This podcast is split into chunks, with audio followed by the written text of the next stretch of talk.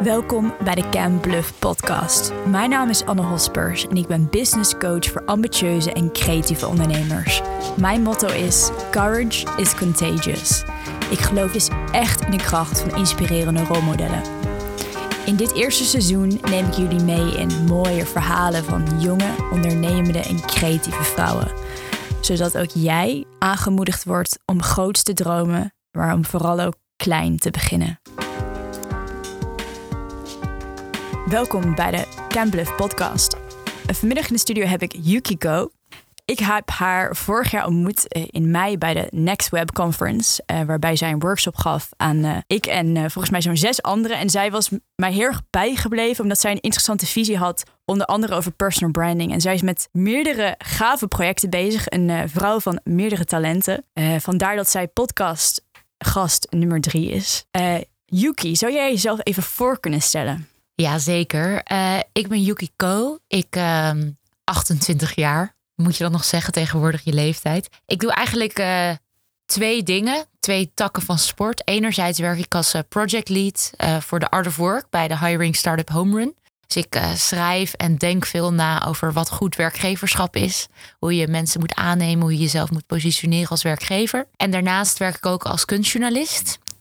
Ik run samen met uh, Co van het Hek Kunstkijk met Co Co. Dat is de grootste kunstnieuwsbrief van Nederland. En vanuit daar doen we uh, allerlei soorten opdrachten. Ik modereer veel, ik spreek veel. Ik doe veel trajecten voor musea over hoe ze beter hun publiek kunnen bereiken. Dus dat zijn eigenlijk de twee dingen die ik doe.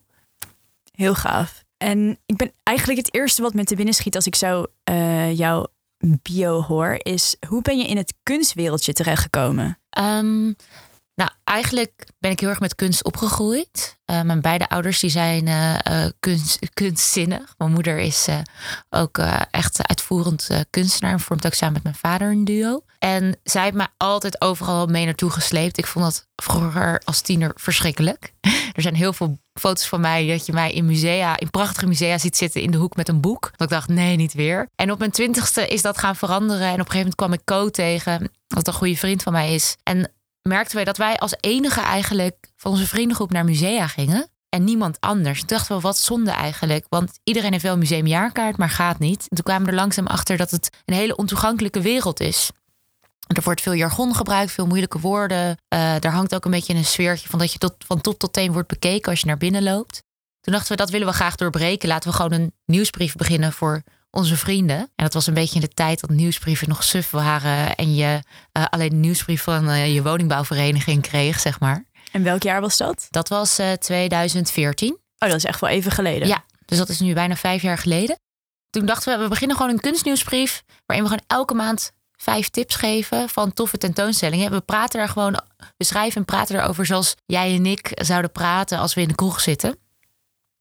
En dat is een beetje ontploft. Uh, binnen twee maanden uh, was het zo uitgegroeid dat we er klussen uithaalden en enthousiaste reacties mee kregen. En zoals je dat dan soms hebt, dan denk je, oh, ik ben op een, ja, op een uh, creatieve goudader gestapt. Of ja, dat. Zo ben ik dus eigenlijk in het kunstwereldje gerold, puur uit frustratie. En ik volg jou natuurlijk ook op Instagram en ik zie je ook af en toe voorbij komen bij, bij koffietijd. Wat, wat, wat doet het voor jullie om in zo'n programma maandelijks te zijn? Nou, ik denk dat je het meer media aan zich kan, kan trekken. We, we, doen eh, naast koffietijd hebben we ook andere uh, programma's gedaan. En wat je gewoon, waarom we het doen, is uh, we willen gewoon zoveel mogelijk mensen enthousiasmeren voor beeldende kunst. En dat beeldende kunst echt iets kan toevoegen aan je leven. Niet alleen per se visueel, maar een bepaald gevoel. Beeldende kunst kan je echt begrijpen en verder helpen en ontspanning geven. En het krijgen van een platform als een koffietijd of als een wereldtijd door is daarom heel belangrijk. Omdat we ook een heel grote doelgroep bereiken die we in onze eigen ja, Amsterdamse bubbel niet bereiken. En daarom vind ik koffietijd extra tof. Want dat zijn mensen, um, althans dat vermoed ik, is mijn eigen voordeel. Mensen die ik ehm, niet zo snel zelf zou kennen. Ik ken niet zoveel koffietijdkijkers. Uh, dus het brengt ons heel veel. Het brengt ons extra bereik en daarmee ook echt impact van ons werk.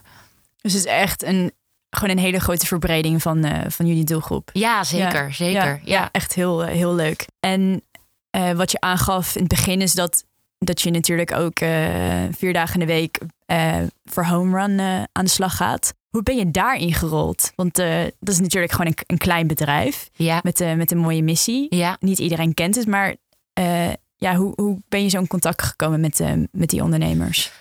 de twee de jongens in wiens hoofd Homerun eigenlijk ontsproten is. Thomas Moes en Willem van Roosmalen.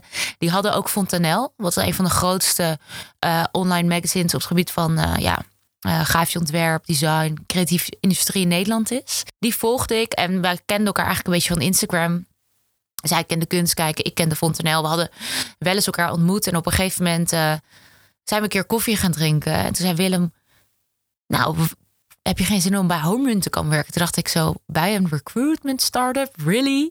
Ik denk het niet. maar toen legde hij hun visie uit over dat ze uh, ja, echt recruitment uit het verdomhoekje willen halen. En dat het eigenlijk heel belangrijk is dat mensen meer tijd en aandacht aan hun werknemers en potentiële werknemers gaan besteden. En dat het toch nog steeds een ondergeschoven kindje is. En toen dacht ik, hé, hey, eigenlijk is wat ik met kunst kijken doe, het toegankelijker maken van beeldende kunst, uh, is dat hetzelfde als wat zij met Homerun doen daar wil ik me heel graag voor inzetten. En toen hebben ze mij heel veel vrijheid gegeven. Um, en ja, heb ik de sprong gewaagd. En tot op de dag van vandaag heb ik daar geen spijt van. Want, want hoe lang werk je over hen? Tweeënhalf jaar. En het verveelt nog niet? Nee, absoluut niet. Ook omdat het interessante aan werken bij een start-up. Toen ik uh, er kwam werken, waren we met z'n zevenen. Nu zijn we met z'n vijftienen. Uh, dat is toch een verdubbeling. De toffe is, elke dag is anders. En dat is natuurlijk een enorm cliché. Maar clichés zijn ook heel erg waar. Daarom zijn het clichés. Je leert ontzettend veel. Je leert hoe het is, wat het met de cultuur doet als een bedrijf groeit. Je, leert, maakt het gewoon zelf ook je echt maakt mee. Het zelf mee. We zijn enerzijds ben ik de doelgroep van alles wat ik maak. Uh, en dat is ook met kunst kijken zo. En ja, ik denk ook dat dat heel erg de kracht is van uh, alles wat ik doe, waarom ik er nog steeds enthousiast over ben ik vind het zelf, uh, ja, het is een beetje als, alsof je het hardst om je eigen grappen lacht. Ja, dan is het een goede grap. En dat is hetzelfde als met het werk wat ik doe. En uh, jullie uh, organiseren ook de Art of Work evenementen. Ja. Die volgens mij ook druk, druk, druk bezocht zijn. Ja, klopt. krijg je ook terug wat de impact is van, van de kennis die jullie delen? Voor managers bijvoorbeeld, van recruiters? Um, ik kan natuurlijk impact uh, zo letterlijk, dat, dat kunnen we letterlijk niet meten, want uh, moeilijk te isoleren. Of verhalen die je terug hoort. Nou, wat je wel gewoon merkt, is dat het heel erg speelt. Dus ik merk dat we iets, dat we iets raken. Mensen, het is, de tijdgeest is er heel erg naar dat mensen hier echt tijd en aandacht aan willen besteden. Aan goed werkgeverschap. En heel erg naastig op zoek zijn naar inspiratie en voorbeelden. Dus dat krijg ik veel terug. Dat mensen heel erg blij zijn dat we bestaan. Omdat ze eigenlijk niet zo goed weten waar ze mensen kunnen vinden. met wie ze het over dit soort onderwerpen kunnen hebben. Over wat is het om inclusiever te worden als werkgever? Uh, hoe ga je om met een generatie die eigenlijk om de drie jaar van, van baan wisselt? Hoe überhaupt ga je jezelf online presenteren in een tijd dat de banen voor het oprapen liggen? En uh, ja, we krijgen dus wel veel. veel uh, verhalen terug van mensen die geïnspireerd worden. En in dat opzicht is er dus zeker wel sprake van impact. Want als ik inderdaad hoor wat voor vraagstukken jullie uh, behandelen, zijn er volgens mij weinig andere bedrijven die daar echt een podium aan geven in deze tijd. Nou, ik denk dat er wel heel veel bedrijven zijn die daarmee bezig zijn. Je hebt natuurlijk ook nee, heel veel. Ik bedoel bedrijven die zeg maar die kennis daarover delen. Die kennis daarover. Nou, die zijn er ook wel hoor. Maar ik denk dat. Um, ik denk dat wat het verschil bij ons maakt, zonder ons te veel op de borst te kloppen, is dat wij het in normale mensentaal zeggen.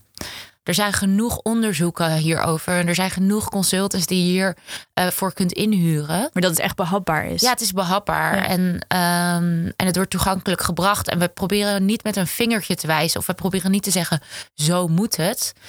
Wij weten het ook niet. Maar ga met ons mee op die reis. Uh, en leer met ons mee. En ik denk dat dat misschien wel het verschil is. We proberen niet belerend te zijn. Want ja, uh, het is gewoon een heel moeilijk vraagstuk, goed werkgeverschap. Dat, dat jullie ook gewoon leerlingen zijn eigenlijk. Ja, en absoluut. gaandeweg delen wat jullie uh, ondervinden. Ja, absoluut. Ik kan herinneren dat toen ik uh, de, de, workshop van jou en mij mee had gemaakt, dat je ook vertelde over jouw visie op personal branding. Je geeft natuurlijk aan dat, dat jij iemand bent die zelf ook mooie contacten weet te leggen die jou ook verder kunnen brengen. Uh, zou je voor de mensen die luisteren misschien nog even kunnen uitleggen ja, ho- hoe jij omgaat met je eigen personal brand en eh, wat jouw kijk daarop is. Eh, Oeh, dat denk ik een lastige vraag. Ik denk dat. Nou, ik, ik probeer in ieder geval voor mezelf eh, ehm, bepaalde kernwaarden te, te formuleren. En die, en die wisselen ook sinds zoveel tijd. En ik probeer heel erg na te denken over wat is de belofte die ik ehm, wil vervullen voor de mensen die ik bereik. Dus eh, als je het specifiek hebt over hè, Instagram als kanaal voor je personal branding, daarvan eh, weet ik dat de mensen die mij volgen, volgen mij niet om te weten wat ik eet. Ze volgen me niet om te weten hoe ik sport of wie mijn vrienden zijn. Ze volgen mij voor inspiratie over eh, beeldende kunst en eh, een, een kleiner deel, denk ik, op Instagram goed werkgeverschap. Dus ik probeer heel erg, nou ja, zoals je het altijd hebt met de merk, gewoon heel erg na te denken: wat is de belofte en hoe kan ik die waarmaken? En dus ook heel erg een focus aan te brengen in wat de boodschap is. En ik denk dat bij personal branding eh, de verleiding heel groot is, is om zo nu en dan gewoon er toch van af te stappen. En een keer als je een avondje uit bent of eh, toch met vrienden bent te denken, ik wil dit moment ook delen. Ehm, en ik denk dat de kunst is om daar een soort van ja, goed tussen te laveren en goed die regie te behouden. Dat je echt de boodschap uitdraagt die je wil. Daarbij wel zeggende is. Volgens mij moet je personal branding ook absoluut niet te serieus nemen. En mag je ook heus wel eens lekker inconsequent zijn. Ehm, want ik denk dat juist eh, een stuk imperfectie en humor ook heel belangrijk is in, eh, in personal branding.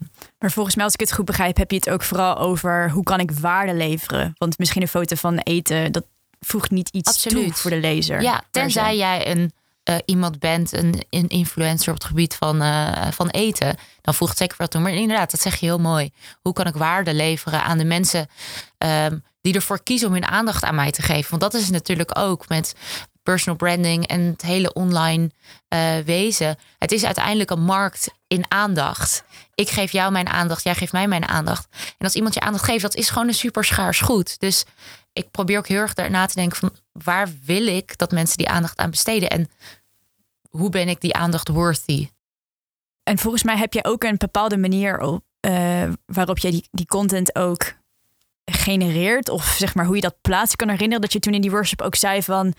eh, ik heb twee mo- mobiele telefoons. Ik weet niet of je dat nu nog steeds hebt. Maar daar had je wel een hele interessante kijk op.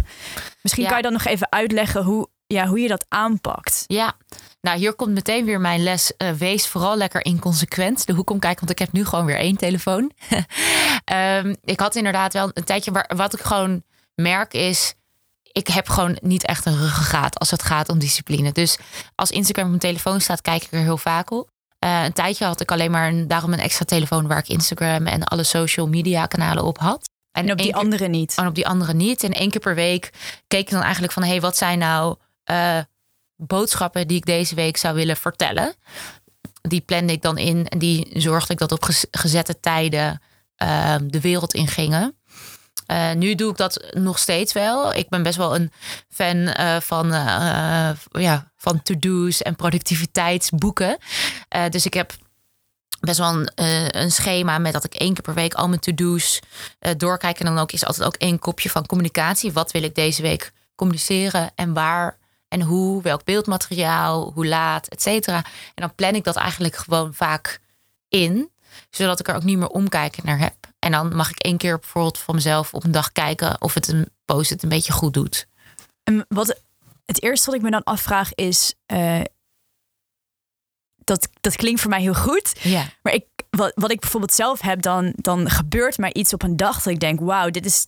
Dit had ik zeg maar op de vrijdag van tevoren niet kunnen beseffen dat dit Ja. zou gebeuren. Hoe ga je daarmee om met die spontane eh, momenten? Of, of is dat voor jou minder relevant om te delen? Ehm, ik denk dat je het heel erg per moment moet kijken. Dat ik soms dan, dan deel ik het wel. eh, en soms deel ik het ook niet. Weer die in- inconsequentie. Eh, wat ik wel altijd probeer is heel eventjes, als het een hele leuke afspraak was en ik heb daar een leuke foto van gehad, fiets even naar huis en kijk of je het dan nog steeds zo geweldig vindt om te delen. Dus ik probeer altijd wel een soort van bezinningsbuffer in te bouwen. Ehm, en soms als je wel wordt overmand door enthousiasme en je deelt het en je denkt volgende ochtend toch niet, ja, dan haal je toch weer lekker weg. Ehm, Ik bedoel, iedereen weet dat eh, social media ehm, maar fractie is van wie je echt bent. Eh, en, ik en ik heb er een haat-liefdeverhouding mee. Ik gebruik het dus ook gewoon om een beeld neer te zetten wat ik van mezelf weer. Ik zie, ik zie het als een ja, voortdurend in beweging zijnde visitekaartje. Waar ik het liefst zo min mogelijk tijd aan besteed. Je had het net over dat je best wel een uh, productiviteitsnerd ben, bent. En dat ben ik ook. Dus ik wil eigenlijk wel horen, wat zijn jouw favoriete boeken op dat gebied? Oeh, wat zijn mijn favoriete boeken? Um, ik heb er, ja, ik heb, ben nu het boek uh, Grip van Rick Pastoor aan het lezen. Ik zie je al knikken, dat heb jij waarschijnlijk al lang uit. Ik heb hem nog niet uit, maar ik heb de eerste paar hoofdstukken gelezen inderdaad. Nou, dat is... Um, wat ik lekker vind aan dat boek is het vat eigenlijk alle boeken op het gebied van productiviteit voor je samen. En dat is er heel fijn en het leest heel lekker weg. En eigenlijk de belangrijkste lessen die ik er weer uithaal zijn lessen die je eigenlijk al weet, maar weer gewoon een fijne opfrisser zijn. Eén uh, keer per week goed even terugkijken. Wat zijn de afspraken die ik gehad heb? Welke to-do's zijn er uitgekomen uh, die ik uh, nog moet opvolgen? Een goede, productief, een goede to-do-app. Uh, plan, ik plan nu ook echt altijd um, voorbereidingstijd voor afspraken in. Daar heb ik toevallig vorige week op Instagram wat over gedeeld. En dat ik, ik was, ik kon best wel slordig zijn met bepaalde dingen. Ik deed dat niet nee. goed. Maar ik heb dat nu wel, ik ben er wel begonnen om dat daar echt wel blokken voor in te plannen. Want zo belangrijk om een goede follow-up te hebben. En ja. te zorgen dat je bepaalde dingen echt goed verwerkt voor jezelf. En uh, levert het je al wat op? Het geeft me oprecht heel veel meer rust. Ja. ja. En uh, ja, nou, ik heb hetzelfde. En uh, ik kom er ook daardoor echt door, door Rick's boek achter dat ik ja, toch veel minder in een week kan doen dan ik altijd dacht. Wat ook confronterend is. En ook dat je, mijn vriendje die zegt wel eens, ja, je moet uitkijken dat je niet de future Yuki, zeg maar, um, um, in, de, in de rug stapt. Want dat is eigenlijk wat ik vaak doe. Dan schoof ik vroeger al mijn to-do's naar de volgende avond. Dacht ik, dan heb ik twee uur, dan doe ik ze alle vier. En dan begint die avond en denk je echt, fuck, waarom heb ik dit nu allemaal tot nu uitgesteld? En doordat ik het nu veel beter plan, uh, merk dat ik ook rust heb en uh, niet uit het boos ben op mezelf als ik weer uh, ja, mezelf helemaal vol heb gepland. Ja, ik, dat herken ik ook wel juist nu, omdat je zicht hebt op die voorbereidingstijd, dat je ook ziet van hé, hey, misschien kan ik niet deze zeven dingen doen, dan moet het er vijf zijn, want anders ga ik te veel dingen half doen. Ja. En dan kun je dus ook, stel je komt er, ik doe altijd maandagochtend plan ik mijn week voor werk en op zondag doe ik dat voor privé. En ik kom er dan, als ik er dan achter kom dat mijn week niet haalbaar is, dan kan ik dus ook nog op tijd afzeggen. Ik had vroeger, uh, en vroeger is dus een paar maanden geleden, echt nog wel de vervelende neiging dat ik heel erg les minne dingen kon afzeggen. En daardoor ook zowel werk als vrienden teleur kon stellen. Ja, en dat, dat is helemaal niet de persoon die ik wil zijn. En uh, door dat stapje een beetje zo ja, in te perken, um, ja, word je, ja, krijg je wat meer overzicht. Dus echt zondag eerst privé en maandag werk. Ja. Ja. En natuurlijk lukt het niet altijd, maar dat is wel mijn aim. Leuk om dit, uh, om dit stukje ook even te hebben behandeld. Ja. Dit is even een, uh, een beetje een andere soort vraag, maar geloof jij in een droombaan? Um, ja, maar ik geloof niet dat dat forever dan is. Dus ik geloof heel erg in momenten, zoals ja, ik, Zoals je opeens uh, op de fiets kan zitten en alles valt even in elkaar en alles is perfect. Zo kan, dat, zo kan je die momenten ook zeker in je baan hebben. Dat alles even op zijn plek valt. Maar het kan ook zijn dat precies die omstandigheden een maand later ervoor zorgen dat het je meest verschrikkelijke baan is ik denk dat dat net zoals is met relaties of met vriendschappen. Dat het gewoon ook heel veel met omstandigheden te maken heeft. Ja, en met een hele precaire balans. Het is gewoon een, een, een wip die als hij even precies recht hangt, heel goed voelt. En dan schiet hij weer de ene kant door en dan weer de andere kant door. Heb jij nu je, je droombaan? Um, ja, maar ik, kan, eh, ik, ik had bijvoorbeeld maandag een hele dag dat ik dacht: dit is echt mijn droombaan. En uh, uh, het is nu vandaag woensdag en gisteren was er een sneeuwmaan en had ik super slecht geslapen. En toen zat ik de hele dag echt enorm op kantoor te balen en dacht ik echt: wat doe ik hier? Dus ja, de ene dag is het mijn droombaan en de andere dag heb ik ook, volgens mij net als heel veel vrouwen, last van een imposter syndrome. Denk ik, ik kan dit helemaal niet. Ze gaan er nu achter komen dat ik dit niet kan. En hebben alleen vrouwen dat? Um, ik denk dat mannen het ook hebben, maar vrouwen zijn er denk ik. Sorry, ik scheer misschien nu heel, een grote groep mensen over één kam. Vrouwen zijn er wel in mijn ervaring opener over dat ze daar last van hebben. En hoe, hoe ga je, ik denk dat dit een heel belangrijk onderwerp is om even verder aan te snijden. Hoe ga je daar dan mee om als je dat voelt? ik schrijf heel veel.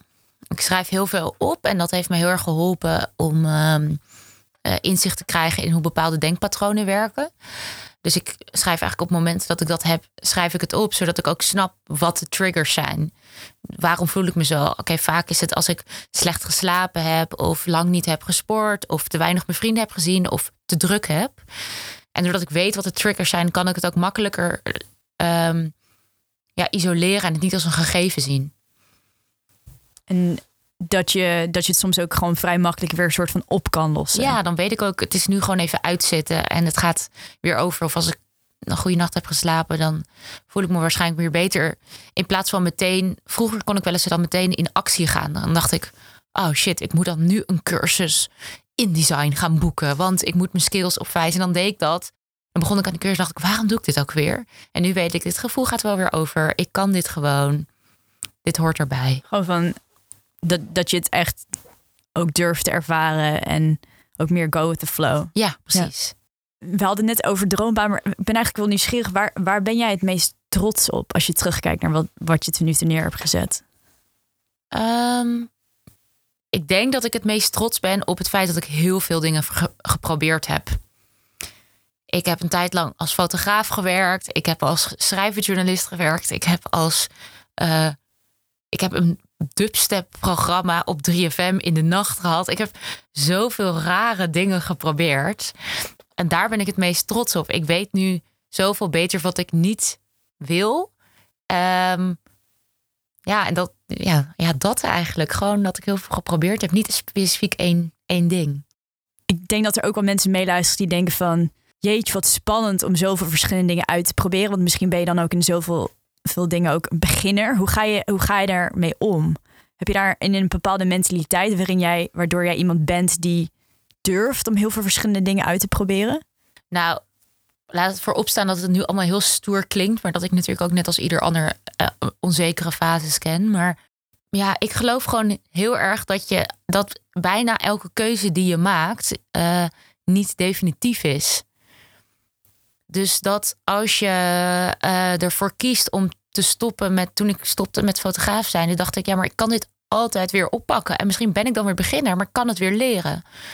Uh, of als ik, ik, ik ben me nu uh, heel erg in, in andere manieren of in verschillende manieren van meditatie aan het um, ontwikkelen of ontwikkelen. Ik ben erover aan het lezen. Ik ben nog helemaal niet aan het doen. Ja, daar ben ik een super beginner in. Maar het lijkt me gewoon heel interessant. Ik laat me gewoon heel erg drijven door nieuwsgierigheid. En uh, probeer een beetje scheid te hebben aan of ik dan beginner ben. En als, als, ik, jou, als ik jou zo hoor, bijvoorbeeld over uh, je verdiepen in verschillende vormen van meditatie, klinkt het niet alsof je daarin een doel hebt. Bevrijd nee. je dat ook? Ja, klopt. Ja, ik probeer. Ja, ik denk dat het me heel veel. Ik denk dat het me ook gewoon heel veel rust heeft gegeven. Dat ik een hele leuke grote mensenbaan heb die vier dagen per week um, me heel erg ontzorgt. Het geeft me heel veel. Ik kan er heel veel leren. Ik heb daar hele fijne, een heel fijn team om me heen. En het geeft me ook de rust van dat ik weet voor de basis wordt gezorgd. En alles daarbovenop, dat hoeft dus geen doel te hebben. Ik hoef daar geen geld aan te verdienen. Ik hoef daar niet mijn carrière van te maken. Um, dus misschien is dat ook wel een soort van tip van zorg dat je een soort van ba een basisrustplek hebt waar je je veilig voelt en waar je je kan ontwikkelen. En dan is alles daarbovenop is eigenlijk winst. Ik vind dat een uh, hele mooie filosofie. En wat, om nu terug te komen op zeg maar hoe jij je, je werk en leven indeelt. Hoe, wat is, hoe kijk je eigenlijk tegen geld aan? Het is misschien een beetje een, een grote vraag, maar ik kan me voorstellen dat je daar wel alvast antwoord op hebt. Hoe kijk ik tegen geld aan? Nou, hè, eh, het, het, het gezegde geld maakt niet gelukkig. Uh, uh, ik denk dat dat maar ten dele opgaat. Ik bedoel, we leven helaas in een wereld waarin je gewoon geld nodig hebt om in je basisbehoeften te voorzien. Ik geloof alleen wel dat je maar een minimale hoeveelheid nodig hebt. Ik bedoel, uh, ik zal nooit zeggen dat geld helemaal niet voor mij belangrijk is. Ik hou van mooie spullen, lekker eten, mooie reizen. Maar ik denk dat rust en ruimte om na te denken uh, veel belangrijke valuta voor mij zijn. Dus ja, hoe kijk ik tegen geld aan? Ja, ik, niet, daar heb ik niet één visie op. Een soort necessary evil, denk ik. Maar je geeft ook aan van dat, dat jij het heel belangrijk vindt om tijd te hebben om jezelf te ontwikkelen en je nieuwsgierigheid te volgen. Ja, ja, ja.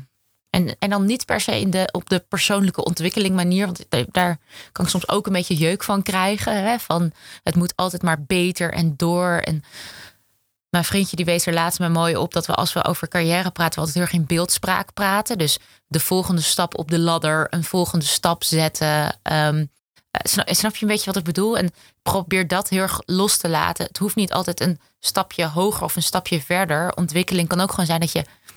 Ja, pure verrijking. Ja, gewoon pure verrijking. Zonder dat het bijdraagt aan een groter doel of zo. Dat je er gewoon plezier ja aan ervaart ja. om bijvoorbeeld iets te lezen over een nieuw onderwerp. Gewoon dat je je relaxter daardoor voelt en gewoon het leuk vindt om je ergens in te verdiepen. Zonder dat het handig is. En, en waar droom jij nog van? Zijn er bepaalde projecten dat je denkt, oh, dat lijkt me zo gaaf om te doen? Er zijn natuurlijk mensen die luisteren, die dan denken, oh, ik heb, daar kan ik je bij helpen, Yuki. Dus spreek het alsjeblieft uit. Um, nou, ik zou met de Art of Work nog wel heel graag ehm, een conferentie of iets willen organiseren. Of het, nou ja, het grootser willen aanpakken. Ik denk dat we hebben nu best wel wat bekendheid in Nederland. Maar ik denk dat er nog heel veel potentie in zit. En hetzelfde geldt eigenlijk voor wat ik samen met Go met Kunst kijken doe. Ik zou het heel leuk vinden als we uh, daar nog wat meer met bijvoorbeeld educatie voor kinderen zouden gaan doen. Dus vroeger had je museumlessen op school en dat is nu wat minder. Het lijkt me echt te gek als je um, nou ja, kunst kijken met kinderen en dan een tv-programma. Daar zou ik geen nee tegen zeggen. Oh, dat, ik zie het al helemaal voor me. Ja, nou goed zo.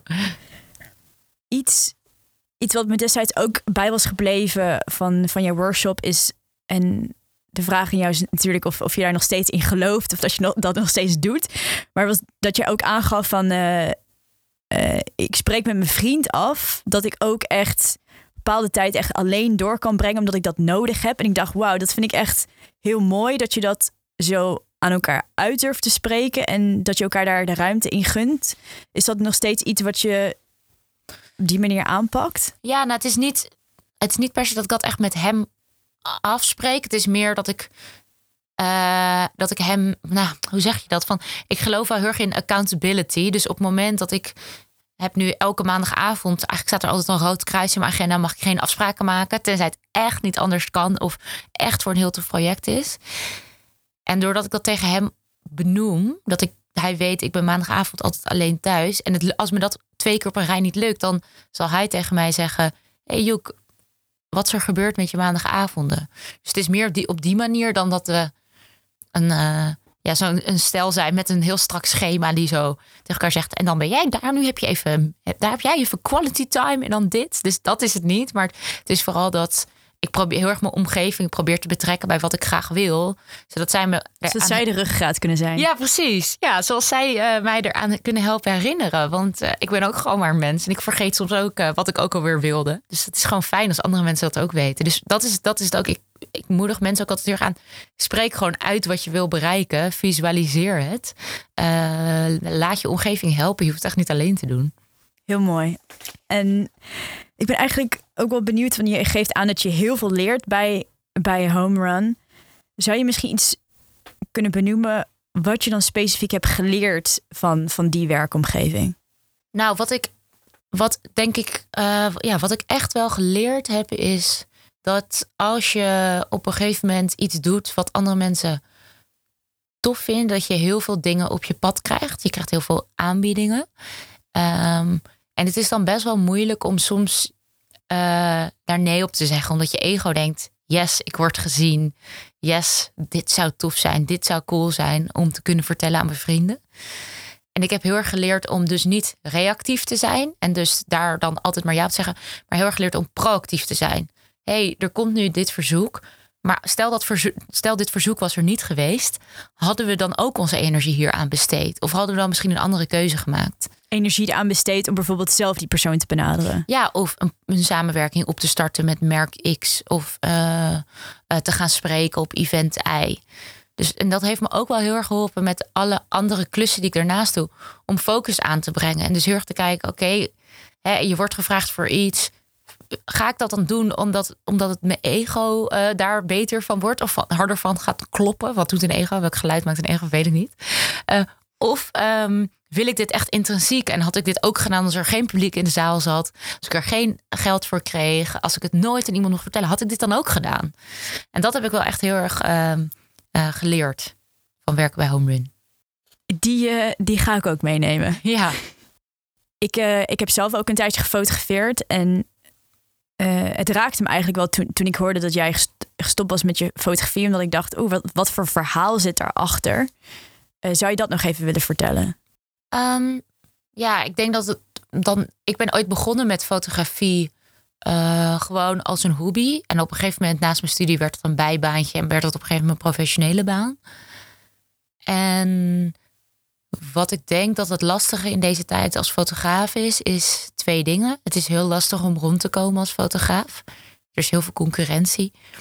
En doordat iedereen enigszins goed overweg kan met camera's tegenwoordig, zowel op zijn telefoon als met grote DSLR's, betekent het ook dat um, mensen zelf ook denken dat ze weten wat een goede foto is. Dus dat opdrachtgeverschap voor fotografen ook iets heel lastigs aan het worden is, omdat je gewoon je ambacht wordt minder serieus genomen. En daar had ik gewoon op een gegeven moment geen zin meer in. Om en het sluit stuk op de begroting te zijn. Uh, en eigenlijk uh, nooit de autonomie had dat ik kon maken wat ik wilde maken. Um, dus dat eigenlijk.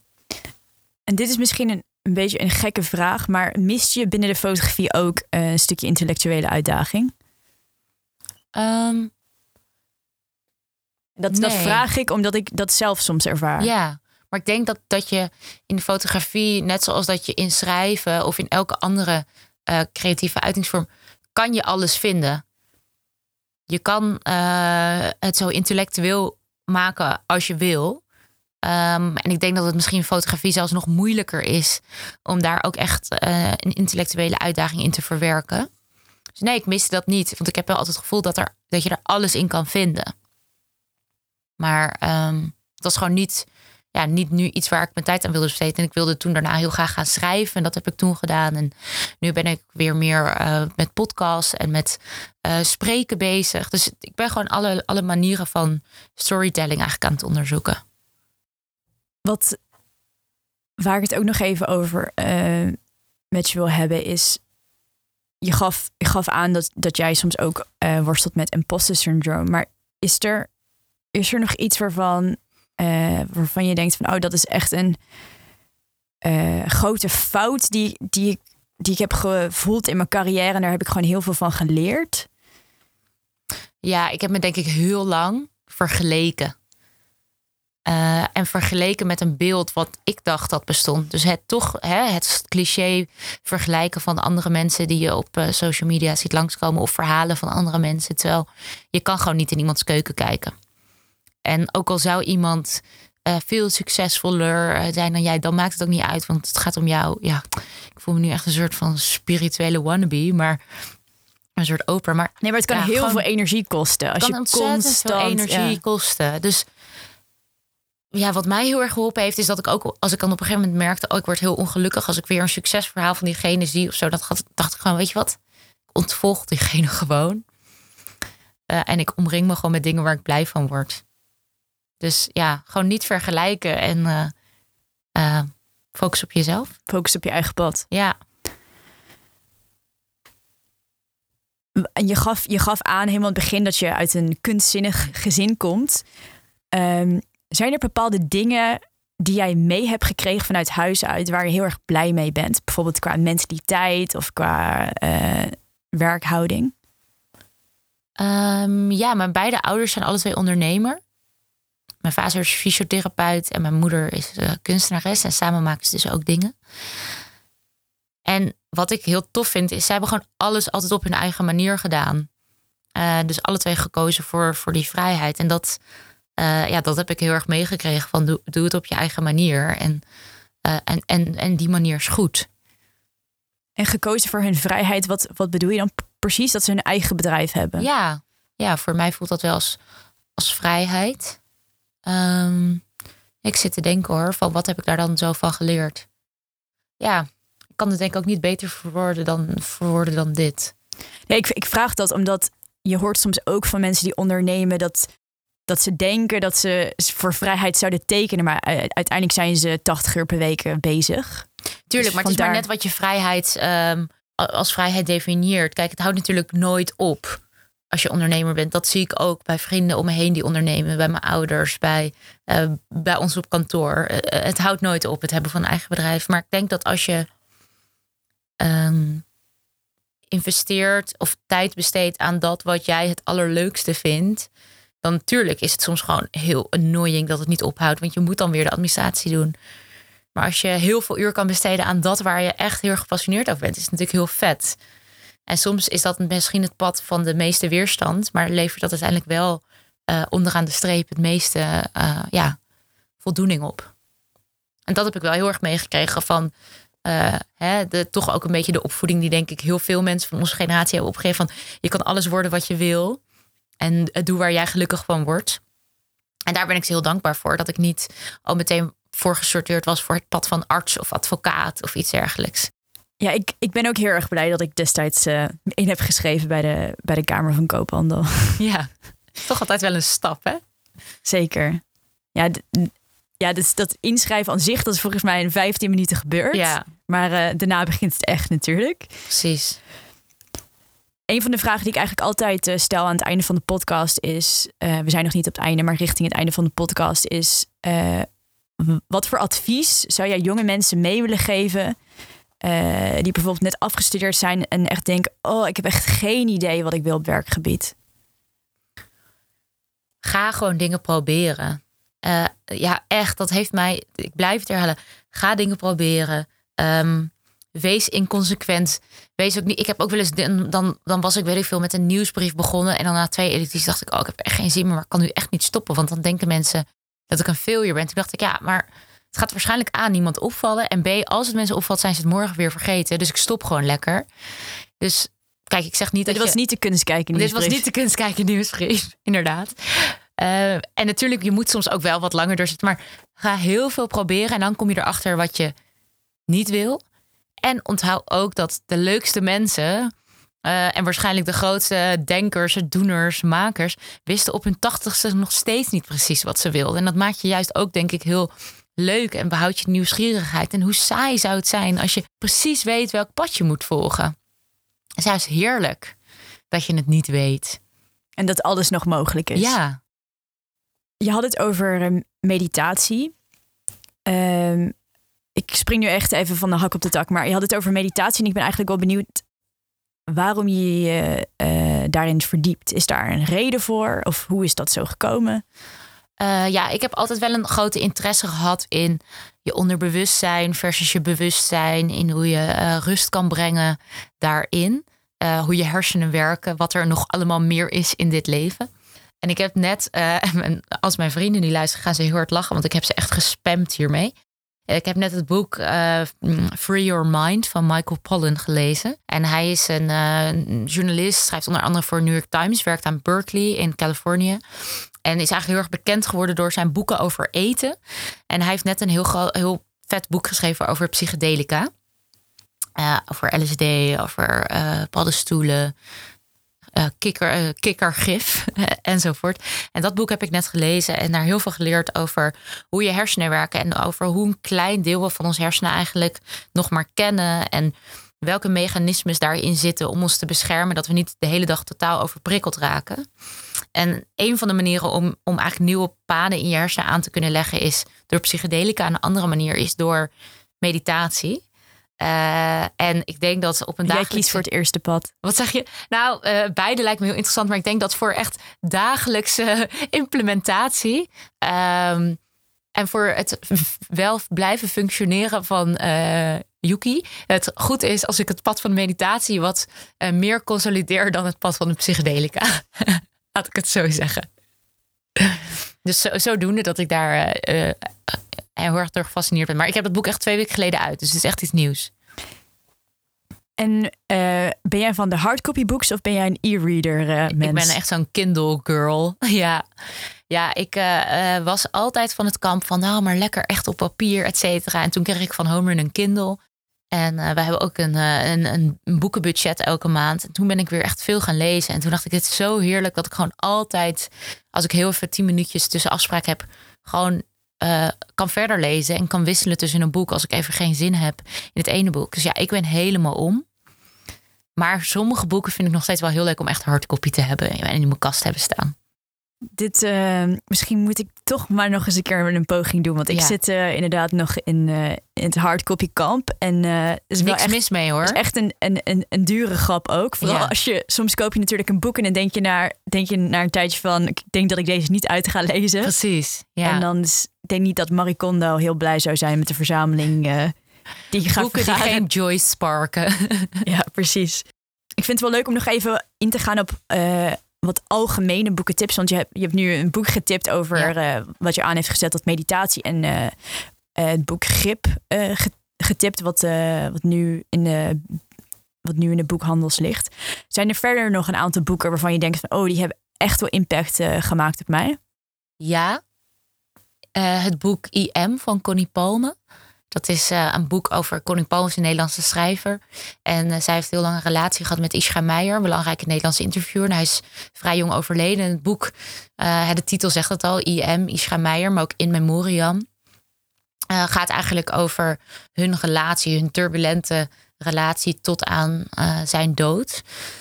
En het is een boek wat ik, nou denk ik al drie, vier keer heb gelezen. Het is gewoon een prachtig en pijnlijk relaas van een liefdesrelatie. Maar daarin ook um, een roadtrip door Amerika. Het is, ja, het is, het is een boek wat, wat ik gewoon heerlijk vind om zo nu dan te lezen en weer een beetje een soort van uh, gevoel te krijgen van nou ja, hoe een relatie kan zijn, maar ook hoe een relatie niet kan zijn. Want het is soms ook echt heel hard. Um, en het is voor mij ook een mooie tegenhanger dat, dat je niet altijd ik probeer ook heel erg ervoor te waken dat ik niet alleen maar boeken lees die nut hebben. Of die zeg maar productiviteitsnut hebben. Zo'n zo'n LSD-boek leert je heel erg over hoe je hersenen werken. En grip leert je heel erg over hoe productief moet zijn. Maar soms kan een boek echt voor heel erg verstilling zorgen en voor ontspanning. En dat is IM heel erg uh, voor mij. En een ander boek wat ik echt heel tof vind. Uh, twee andere boeken is uh, The Power uh, van Naomi Alderman. En dat gaat over eigenlijk een fictieve wereld waarin vrouwen plots allemaal een nieuwe klier hebben, waardoor ze mannen kunnen domineren. Uh, en de hele maatschappij eigenlijk omdraait, want vrouwen kunnen opeens, uh, ja, die zijn opeens de sterkere soort. Wat gebeurt er dan met de politiek? Wat gebeurt er dan met relaties? Wat gebeurt er dan met vriendschappen? Wat gebeurt er met wereld, ja, wereldproblematiek? En het is gewoon een super vet boek. Klinkt dus, echt eh, heel boeiend. Klinkt een beetje als de, de meer serieuze en inhoudelijke versie van zeg maar eh, die film die nu op Netflix staat. Heb je die, oh, die Franse film gezien? Nee. Um, die, de film heet uh, Je ne suis pas un homme facile. Ik ben geen mhm. makkelijke man. Ja. En dat is een film, is gewoon een comedy, maar het is super interessant. Het is een film waarbij een uh, charmeur tegen een straatpaal aanloopt en op dat moment zijn vrouwen, dus, zijn vrouwen zeg maar het sterke geslacht. En, en zijn ook, zeg maar, de, de kleding is ook omgedraaid. En ah, oké. Dus het is echt een eye-opener. Omdat je ook, je realiseert je eigenlijk voor, ja, voor mij was het voor het eerst hoeveel gender roles er zijn. En wat voor impact dat heeft eigenlijk op het dagelijks leven. Ja. Ja, enorm. Nou, dit, dit boek gaat daar ook totaal over. Dat je de schellen toch een beetje van je ogen. Dat je denkt, shit, ik, ik was best wel wakker, dacht ik. Maar uh, er is nog zoveel meer te doen. En volgens mij, er was nog een andere... nog een tip te goed. Ja, alle boeken van Sally Rooney. Volgens mij is iedereen uh, nu helemaal hoekt aan haar boeken. Uh, maar dat zijn... Um, ze heeft twee boeken geschreven. Conversation with Friends en Normal Peoples. Een Britse schrijfster. Ze is... Uh, of schrijver, moet ik zeggen. Ze is, nou, ik denk eind twintig.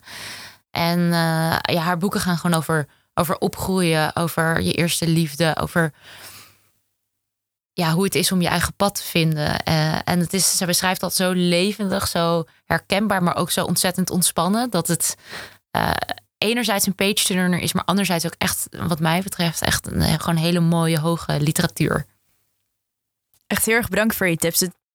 Michael Pollan, die ken ik van naam, maar ik moet eerlijk bekennen, ik heb nog nooit een boek van hem gelezen. Um, en ik ben ook iemand die eigenlijk vooral uh, zelfhulpboeken in mijn boekenkast heb. Dus jij hebt me geïnspireerd om toch ook maar eens wat boeken te gaan lezen die uh, niet alleen maar nut hebben. Ik denk dat het inderdaad heel belangrijk is. En ontspanning is ook nut, hè? Moet je maar denken. Zeker. ik ben, uh, ik sta onder mijn vrienden een beetje bekend als The Quote Girl. Um, en ik weet niet of ik daar blij mee moet zijn, maar dat, dat betekent wel dat ik altijd nieuwsgierig ben naar het levensmotto van mijn uh, interviewgasten. Heb jij er een? Het levensmotto. Of een soort van spreuk die je soms tegen jezelf zegt of die je aanspreekt? Ik denk dat ik dat niet heb. Nee. Nee, ik moet je teleurstellen. Probeer heel veel dingen en volg je nieuwsgierigheid. Ja, nou dat en vooral uh, je mag veel meer dan je denkt. Uh, en, en, en wees dus ook lekker inconsequent. Sta, je ding, sta jezelf gewoon heel veel toe. Dus ik denk dat, hè, als je het moet samenvatten, wat jij eigenlijk net voor mij hebt gedaan, dus bedankt, quote girl. maar je mag heel veel. En je mag meer dan je denkt.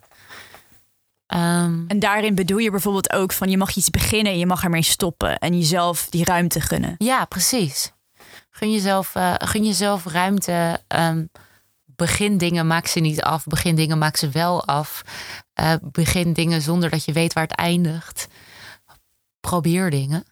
En, uh, en weet ook dat, nou ja, ik, ik hoop gewoon dat, dat, en daar heb ik zelf ook nog steeds last van, dat mensen minder last gaan hebben van hoe het hoort. Of wat zullen andere mensen ervan denken.